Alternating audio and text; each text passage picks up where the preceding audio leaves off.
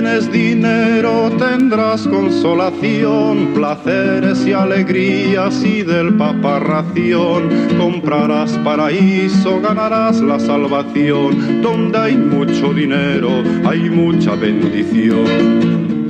La otra cara del caudillo es el título del último libro del profesor, catedrático, diplomático, historiador, economista Ángel Viñas. La verdad es que pocos pueden presumir de un currículo tan impresionante que abarca desde, como decimos, una cátedra en ciencias económicas hasta la Gran Cruz del Orden del Mérito Civil, pasando por trabajos en el Fondo Monetario Internacional o el puesto de embajador de la Unión Europea en Naciones Unidas y hasta hace muy poco tiempo ha presidido la Asociación Española de Historia Militar. Ángel Viñas, quien le define como un historiador de combate. Gracias por acompañarnos. Muchas gracias, es un gran placer hablar con ustedes. En su libro, que usted subtitula Mitos y Realidades en la biografía de Franco, eh, se arrebate aquella imagen de austeridad, no solo del régimen, sino también del propio dictador, del propio Francisco Franco, ¿no? Yo lo que he intentado mostrar es, como dice el título del libro, otra cara, la otra cara del caudillo, eh, es decir, eh, la cara de un hombre muy próximo a postulados nazis, él aparece como un hombre eh, que tenía poco que ver con el nacionalsocialismo. Bueno, yo creo que no, creo que él se dejó influir mucho por ciertas corrientes de pensamiento nacionalsocialistas, si es que se las puede denominar así. Y, luego también, pues un hombre que se, desde que le hacen jefe del Estado, generalísimo eh, jefe de los ejércitos de operaciones y todas esas chanchorrias del primero de octubre de 1936, se dedica a cubrirse el riñón, ¿no? Porque, profesor, Franco se llegó a hacer millonario. Bueno, Franco se hizo multimillonario, no, no millonario, se hizo multimillonario, claro. Porque después de la guerra, eh, según papeles que incluso han circulado por las redes sociales, ¿no? Franco cobraba una nómina de más de 50.000 pesetas al año y esto no termina de cuadrar. Sí, sí, sí, eso era su, su sueldo, su sueldo por así decir, como capitán general.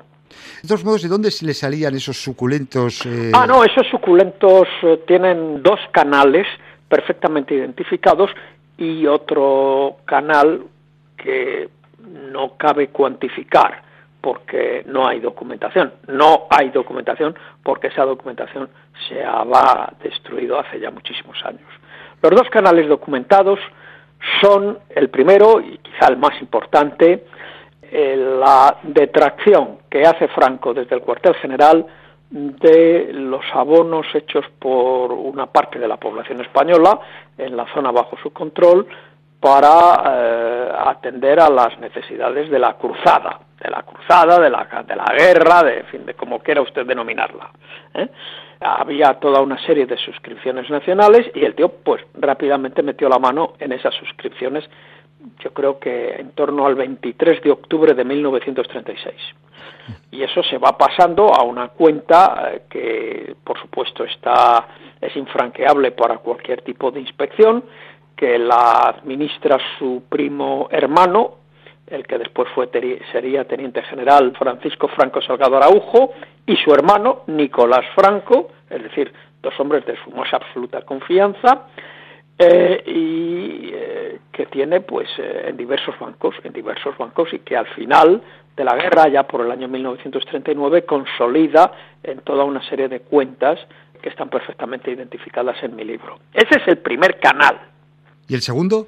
El segundo canal es una operación que, a mí me ha traído por la calle de la amargura durante muchos años. Es, una operación que yo he titulado Operación Café, por la cual él, eh, 600.000 kilos de café que dona el dictador brasileño Getulio Vargas al Estado español, pues él lo vende a la CAT, a la Comisaría de Abastecimientos y Transportes.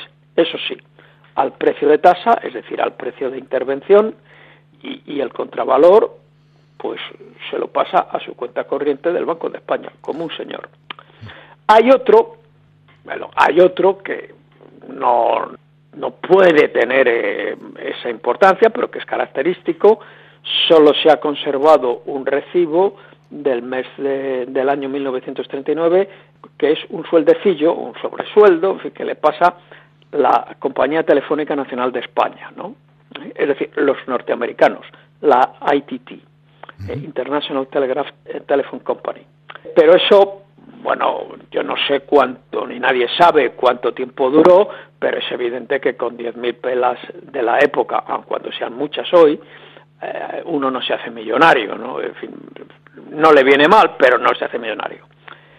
Esos son los canales conocidos, conocidos. Y el tercero no es muy representativo porque cuantitativamente no da para mucho. Ahora, yo especulo, especulo, y ahí lo digo claramente, especulo, que bueno, si este señor no tiene inconveniente en hacer lo que hace con esos dos o tres canales, ¿quién le impide? ¿Quién le hubiera impedido que metiera la mano en las dotaciones del cuartel general, de la jefatura del Estado o de la presidencia del gobierno, porque él reunía las dos cualidades de presidente del gobierno, jefe del Estado y capitán o, teniente general o general de división. Luego se le hace capitán general. Es decir, que mete la mano en la caja, en la caja, pero claro, eso nosotros nadie conoce las cuentas ni la contabilidad del cuartel general, ni de la presidencia del gobierno, ni de la jefatura del Estado durante la guerra civil. Y, claro, pues eh, francamente eso no se puede cuantificar ni se puede justificar, ¿no? Pero yo lo digo como posibilidad, porque claro, si este señor se queda con donaciones hechas por sus correligionarios o por el pueblo español y tal, ¿qué le impide que se quede también con, con dinero de la caja, ¿no? del presupuesto, ¿no? Precisamente en la página 362 en su libro dice usted, Llama en cualquier caso la atención que en recientes biografías de algunos generales de la Cruzada y que ocuparon cargos ministeriales en la posguerra, Muñoz Grandes, Varela, el general Yagüe, le viene a la memoria, ¿no? Y no se haya hecho referencia a las condiciones económicas y materiales en que se encontraba la oficialidad de las Fuerzas Armadas en comparación con el común de la población. La pregunta, eh, señor Viñas, es ¿hasta qué punto la corrupción no solo fue práctica que utilizó Franco, sino también dejó a otros de sus generales? pero mire usted, es que la corrupción era sistémica, no podía ser de otra manera, no podía ser de otra manera en guerra, cuando había que tener elevada la moral de la oficialidad, no, no, no de la tropa, no, no, no de la tropa, y sobre todo del generalato, unos eran fascistas, otros eran monárquicos, otros no tenían orientaciones ideológicas determinadas, eh, en fin, a unos les molestaba que Franco se hubiera subido a la parra a toda velocidad, a otros no, unos querían restaurar la monarquía, otros no, en fin, eh, Franco necesitaba comprar voluntades. ¿eh? Y entonces, pues naturalmente que diseñó un sistemilla del que solo podemos atisbar algunos rasgos fundamentales, porque no hay, como comprenderá usted, mucha documentación sobre el tema. Yo pues eh, me he atenido pues a, a, los regalos que hacía a sus generales, ¿no?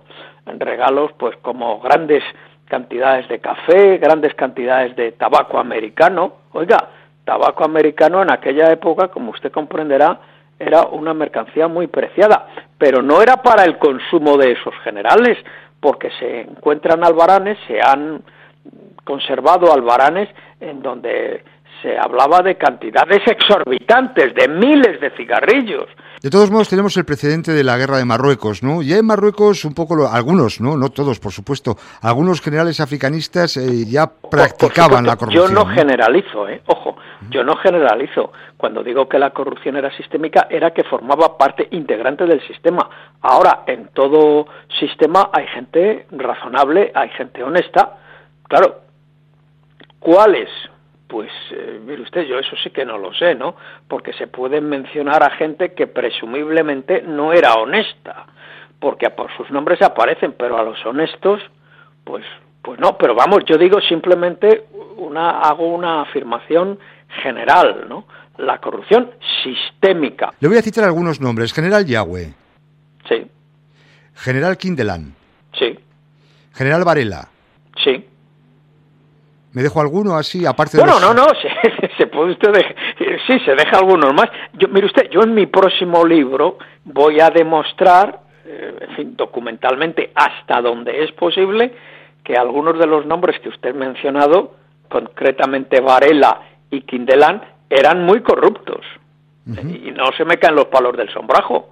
Vamos, he encontrado documentación Bueno, la documentación puede ser falsa, por supuesto, pero lo dudo, ¿no? Lo dudo. Permítame ahora que le diga algunas palabras que aparecen, por supuesto, en su libro que estamos comentando, a ver qué le sugieren. El extraperlo. Bueno, extraperlo pues era una forma de vida, una forma de vida. También sistemática. Totalmente sistemática. De usted cuenta que a partir del año 1939, mes de abril, si no recuerdo mal, se introduce el racionamiento. ¿Por qué? Pues porque al unificarse todo el territorio español, ¿eh? una vez derrumbada la odiada y odiosa república, pues claro, eh, en la zona franquista que había nadado relativamente en la abundancia, porque era la zona cerealícola, la zona pesquera, en fin, donde no faltaba el pan, pues claro, en cuanto hay que suministrar pan a veintitantos millones de habitantes y no a los diez o doce millones de la zona franquista, pues ya no hay pan, ya no hay pan, ya no hay pan y además como tampoco hay divisas, pues hay que cortar las operaciones con el exterior, someterlas a una disciplina administrativa rígida y a racionar, se introduce el racionamiento y claro, al introducirse el racionamiento sobre productos escasos, pues eh, quien hace la ley hace la trampa y ya puede usted imaginarse que la Comisaría de Abastecimientos y Transportes, que es el órgano encargado del racionamiento, se convierte en un nido de ladrones que deja chiquita a la caverna de Alibaba. Un personaje que usted describe y que bueno nos lleva a nuestra infancia, pero también que nos puede resultar hasta entrañable, vamos a dejarlo así, es Carpanta. Carpanta, sí, sí, es, claro, es un.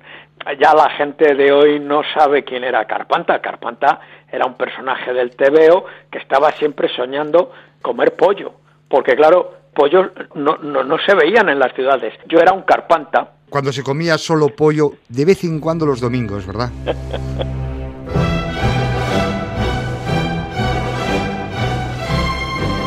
Vamos ahora, profesor, al contexto un poco internacional. Por ejemplo, ¿qué papel juega el Reino Unido primero durante la guerra civil y luego ya durante la dictadura? Eh, durante la guerra civil el papel del Reino Unido es enormemente perjudicial a la República porque el Reino Unido es el paladín de la política de no intervención, es además una gran potencia, es la gran potencia en Europa occidental y es la que declara, digamos, el cerco a la República. El asedio a la República tiene como protagonista fundamental al Reino Unido.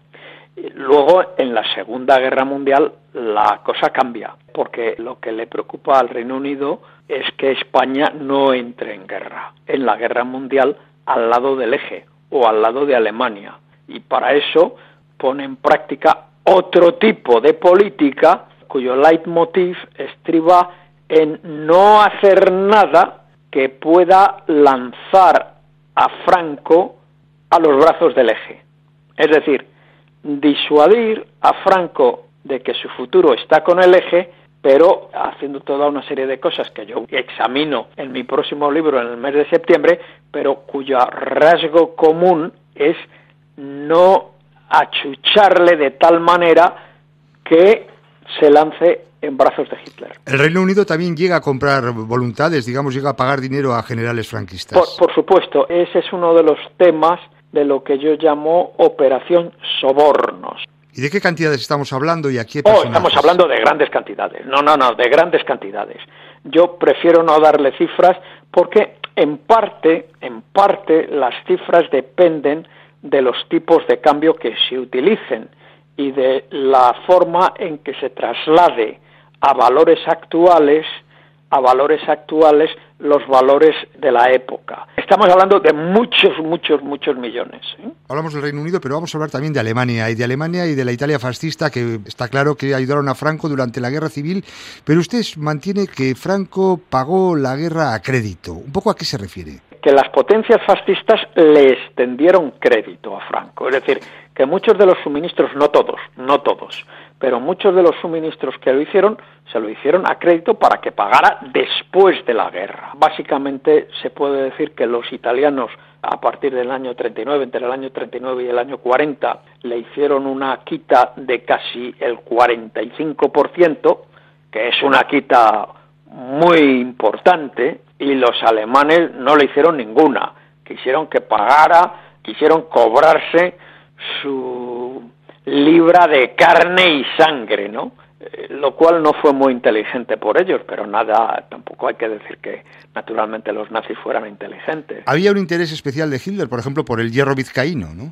Bueno, sí, sí. Los alemanes son uno de los, digamos, de las voces que se levantan en el mes de enero de 1937 para desviar las, luchas, en fin, el frente central hacia el norte, es decir, desviar la atención de Madrid, que se ha convertido en una fortaleza poco menos que inexpugnable y en la que el prestigio de Franco eh, pues eh, puede erosionarse porque no logra entrar en Madrid. Y dice, no, no, no, eh, vamos al norte, no, vamos al norte. También es verdad que eso lo dice Mola. También es verdad que eso lo dice Mola, porque Mola, no olvidemos, es el responsable del ejército del norte. Pero, en fin, cuando los alemanes ponen ahí el, su peso político, militar en la balanza, pues claro, Franco se inclina a ir hacia el norte. Precisamente por qué quieren los alemanes eso? Bueno, los alemanes, en primer lugar, para evitar el perjuicio de Franco, para acelerar un poco la guerra, porque si no la guerra se eterniza, y sobre todo para hacerse con el mineral de hierro vizcaíno, ¿no? que es una cosa que interesa al rearme alemán.